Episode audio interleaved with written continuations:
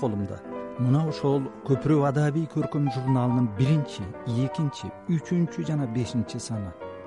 Төрт самиздат журналдын тең мукабасы ар башка кылып кооздолгон анын туңгуч номеринин титулдук бетинде алы кулга алтымыш беш жаш деген жазуунун астында акындын кара туш менен тартылган сүрөтү. Жана мен кыргыздын акыны деген ыры. Бул сандара сулгамзатовдун ырлары ленинград университетинин журналистика факультетинде окуган жумагазы садырлык усупов которгон ленинградда жашаган мелис арыпбековдун повестине кино инженерлер институтунун студенти калбүбү токтомамбет кызынын жана жумагазы садырлыктын пикирлери. Финанс экономика институтунун студенти амирбек усмановдун эрте жаз деген эссеси жана мелис арыпбековдун максатым деген ыры журналды чыгаруунун демилгечиси жана редактору жумагазы усупов болчу. Журналдын ар бир санын жумагазы досум москва деген машинкеси менен шартылдатып басчу. Типографиябыз көбүн эсе мелис арыпбековдун квартирасынын бир бөлмөсү. Журналдын бир саны негизинен алты нускада чыгат. Себеби жетинчи нуска баракка көө кагаздын изи жакшы түшпөгөндүктөн текст окулбай калат жумагазы усупов журналды чыгаруунун зарылдыгы жана эмне үчүн көпүрө деп аталганы тууралуу мындай деп эскерет. Ошол ленинградда окуп жүргөндө ошол жердеги бүт жаштардын баары биз өзүбүздүн тамырыбыздан үзүлгөнүбүз билинип эле турчу да. Анан эми көпүрө деп бир кичинекей бир жыйыныбыз бар эмес беле. Дайым топтолуп негизинен ошол кыргызча ошол жерде келип сүйлөчүбүз туурабы. Пикир алмашчубыз ошонун алкагында алы кулдун бир алтымыш беш жылдыгы бекен ошону өткөзбөдүк беле. Баягы бир жердештиктер чогултуп калчу элек го биз ошондо демилгеленип ошо бир дубал дубал гезиттен чыгарбадыкпы. Анан ошону чыгарып алы кулга арнадык. Эми ошол кезекте биз эми ошо ленинградда жүргөндөн кийин ленинград менен кыргызстандын кандай байланышы бар? Ала тоонун э? Неван менен ала тоонун кандай байланышы бар? Ошону окуп отуруп анан алы кулдан деген э, ошого арналган беш ыр таап анан ошол дубал гезитке басып анан э, демек э, биз өзүбүздүн кыргыз элибиз ала тообуз э, башка ошо орустун эли орустун шаары менен тең ата болуш керек. Биздин кыргыздын жан дүйнөсү дүйнө таанымы дагы өчпөш керек. Советтик ошону бир изденели өзүбүз табалы адегенде деген максат менен ошол дубал гезит анан баягы көпүрөгө айланганы ошол болуп калган да. Демек ошол изденүүнүн жолу өзүбүздү өзүбүз түшүнүү биринчи кезекте. Өзүңдү өзүң түшүнбөсөң маселен. Өзүңдү өзүң тааныбасаң а башкаларды кантип тааныйсың тааный албайсың анткени өзүңө салыштырып тааныйсың. Мунусу мунуку мындай экен биздики мындай экен. Тигиники тигиндей экен тигиники тигиндей экен. Ошондуктан баягы тең аталык э теңчилик. Анан ошондон башталат да. Анан ошондон кийин анан баягы мындайча айтканда жашоону сүйсөң болот ошондон кийин турмушту сүйсөң болот башка адамдарды башка маданияттарды өзүңдүн маданиятыңды биринчи сүйүшүң керек. Андан кийин башкаларды баягы сүй дейбизби. Ушунун баары жаралат да. Ушунун баары ошого ошондой бир эми ошол кезекте так айта албасак дагы ушундай болгон умтулуулардын негизинде негизделип жаралган да.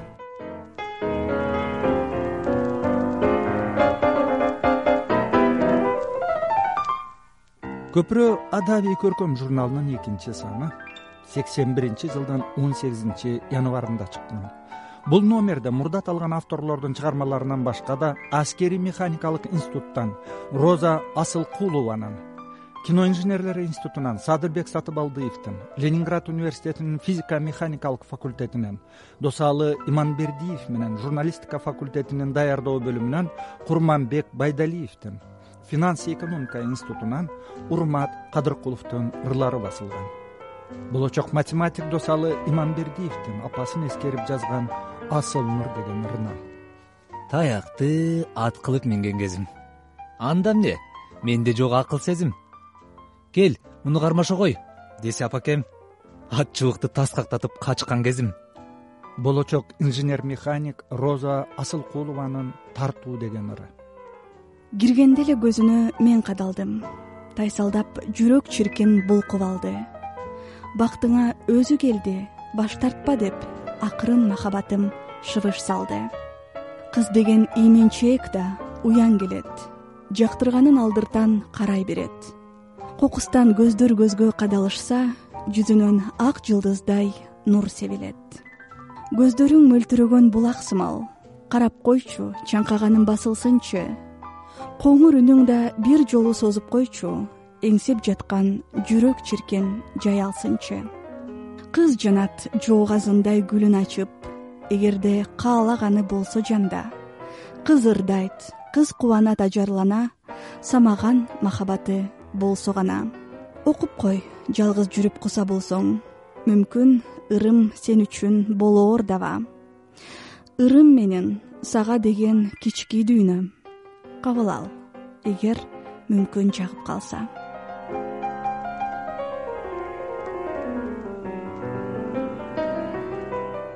экинчи санда жергебиздин жаңылыктар рубрикасы пайда болот. Биринчи жаңылык он төртүнчү январда кыргыз сср жогорку советинин кезексиз үчүнчү сессиясында арстанбек дүйшеевден кыргыз сср жогорку советинин президиумунун председателинин кызматынан бошотулуп министрлер советинин председательдигине анын ордуна ош обкомунун биринчи секретары темирбек кошоевдин дайындалганы жөнүндө андан тышкары сузак районундагы жиде совхозунда лимондун мөмөлөрү жыйналып жатканы фрунзеде жаңы филармония ачылганы анда германия демократиялык республикасынан алып келинген арган бар экени. Биринчи концерт кандай өткөнү? Ошондой эле спорт жаңылыктары дагы башка кабарлар бар. Мисалы. жыйырма экинчи жыйырма тогузунчу январь күндөрү борборубуз фрунзеде польшалык анжей жана элиза эстрадалык группасы концерт берет каникулга барсаңар көрүп айта келгиле. Көпүрө журналынын үчүнчү санындагы жаңылыктардан.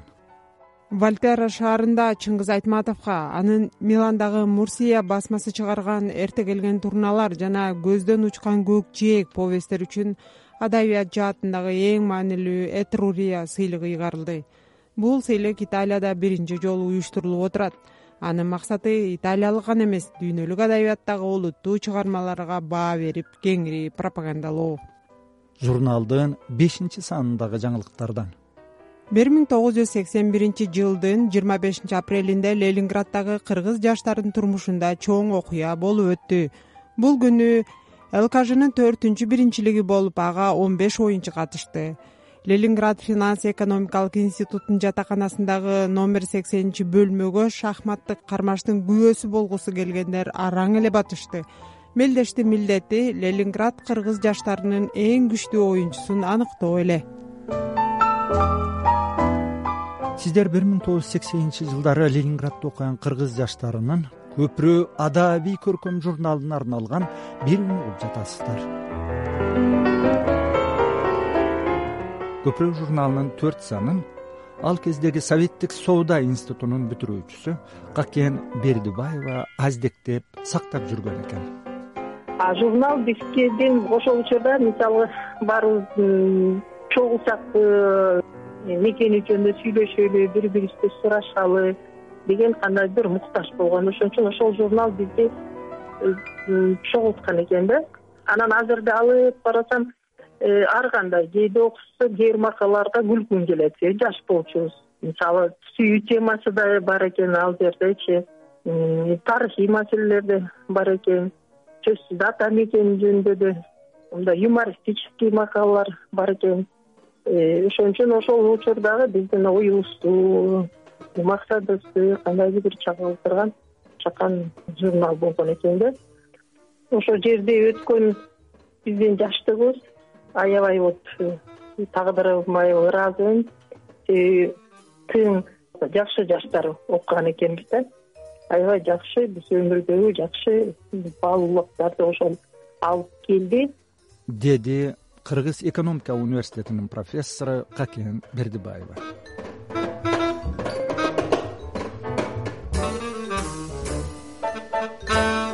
жумагазы усупов өзү ал кезде владимир маяковский чесинен агырларды жана журналдын кемин толуктап көркүн чыгарган ар кыл макалаларды такай жазчу. Тун баласындай көргөн көпүрөнүн дээрлик ар санына расул гамзатовдун ырларын да которуп берчү. Турмушта бар окшоштук майдалыктар улуулук өзгөчөлүк гүл денемде өспөдү гүлдөр тоолору деле өсөт кыз тамшанып өппөдү алар башкаларды көздөйт. Достор да кол булгайт. Өссүн кетишти бийик. Бул турмуштун соккусун жеңүү үчүн байын күндө бирөөлөрдү бир нерселерди сүйүп.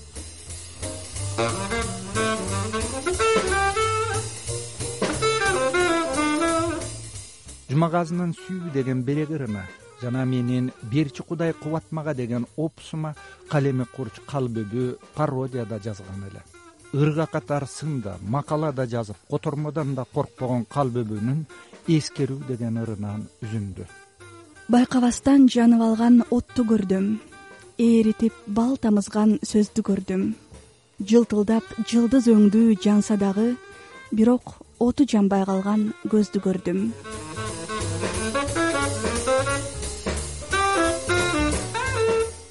Көпүрө журналынын дагы бир активдүү автору ал кездеги жданов атындагы ленинград мамлекеттик университетинин журналистика факультетинде окуган олжобай токтосунов болчу.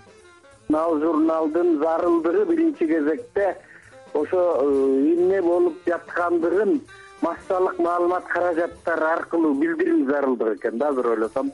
Э, информациялык маалыматтар андан кийинки э, жанрыбыз бул жанагы очерктин жеңил формасы дегендей сүрөттөмө жерде жашап аткан студенттер тууралуу.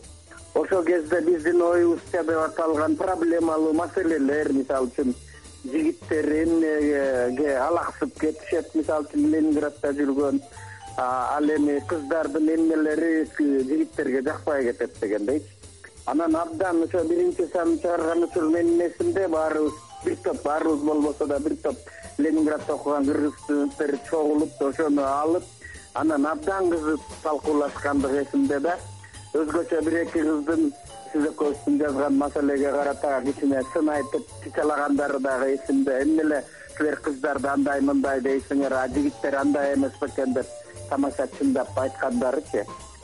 Чычалаткан темабыз мындай болчу. Биз жигиттерди да кыдырдык студенттердичи эркек балдарды. Анан кыздарды да кыдырдык дагы мындай деген суроону бергенбиз ленинградда окуган кыргыз кыздарынын эмнеси сизге жакпайт? А кыздарга тескерисинче ленинградда окуган кыргыз жигиттеринин эмнеси сизге жакпайт деп бири болгондо он бир он эки он үч он бешке чейинкилерден аттарына чейин айтып э, интервью алганбыз да азыр ойлосом социологиялык иликтөө дегендей болгон экен да. Анан ошондо жооптору да таң калтырган окшошкон. Э, жигиттер мынтип жооп берген. Айрымдары ушундай болуп кетип атат. Кичине кичине ичкиликти дагы иче коюп анан тамекиге кызыгып кеткендери болуп атат. Биз байкап калып атабыз. Ушул нерселери бизге аябай жакпайт деген. Тиги кыздар айткан кыргыздын жигиттери бизди абдан кайтарышат. Бөлө клубтун жигиттери менен сүйлөштүргүлөрү келбейт жакындаткылары келбейт. Бизди кайтарышат өзүбүздүн улут менен гана достошкула дегенсип ал эми өздөрү болсо э, мейли чет өлкөдөн келген анан көпчүлүгү орустун кыздары менен деле дос болуп жүрүшөт деген тамаша иретинде бирок чындыкка жанаша дегендей жоопту беришкен. Анан экөөбүз күлгөнбүз карасаң баары сүйлөшүп алгансып бирдей жооп берет демек баарынын көпчүлүгүнүн ойлору окшош экен дегенбиз. Деди бүгүн белгилүү тележурналист олжобай токтосунов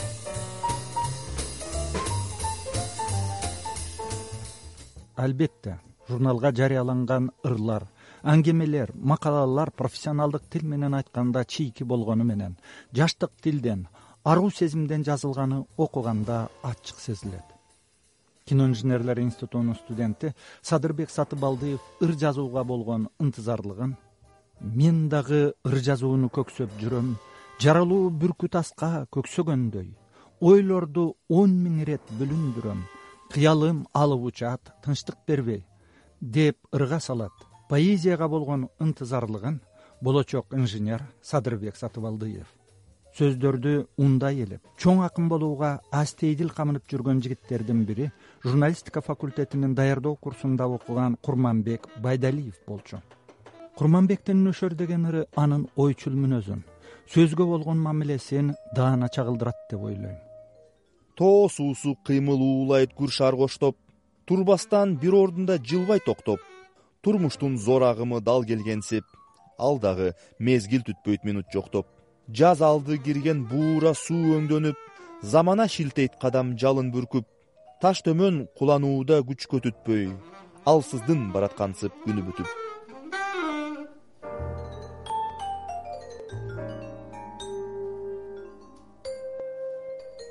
Өкүнүчтүүсү курманбектин өмүрү эрте үзүлдү студент отряды менен казакстанда жүрүп каплет кырсыктан көз жумду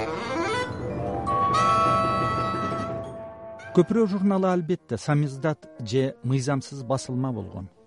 Жумагазы усупов да көпүрө журналы мыйзамсыз чыгарылганын ырастап бирок анын беттеринде өкмөткө акаарат келтирген сөздөр ойлор жок болгонун айтат. Мыйзамсыз болгонун билем. Сөз болгон айтылчу анан бирок деген жок анда деген биз деген чынында эле адабий жагы бир саясий нерселер жанагы жердеги кызуу талкууларды деле басчу эмеспиз да. Биз эми жумшартып аны деле сезгенбиз да. Анткени биз каныбызда эле болчу да. Бүт ошентип коркутуп үйрөтүп ошондой тарбиялап салган да. А бирок ошону өзү эле өзүнүн жасаганын өзү эле эрдик болгон да ошол кезекте мен ойлойм да. Азыр ойлосом ошо чыгарганыбыздын өзү эле жанагынтип машинкеден эметип алып сыртын эметип алып анан бири бирибизге таратып берип эметкенибиздин өзү жакшы жашаган болуптур да азыр ушунун баары ким билет? Кийин бияка келгенден кийин деле эркин ойлонуп кичине жанагы ашарга тайманбай киришип адамдардын өзүбүздүн улуттук жаштардын укугун коргогонго ошол эле мага бир тажрыйба бир пайдабол болуп бериптир да. Ленинградда окуган кыргыз жаштарынын көпүрө адабий көркөм журналы тилекке каршы жумагазы усупов бир миң тогуз жүз сексен биринчи жылы ленинград университетин бүтүп кеткенден кийин токтоп калды кийин бул ишти мелис арыкбеков колго алып көпүрө журналын мурдакыдан да көлөмдүү кылып чыгарганын эшиткеним бар. Бирок журналдын өзүн көрбөдүм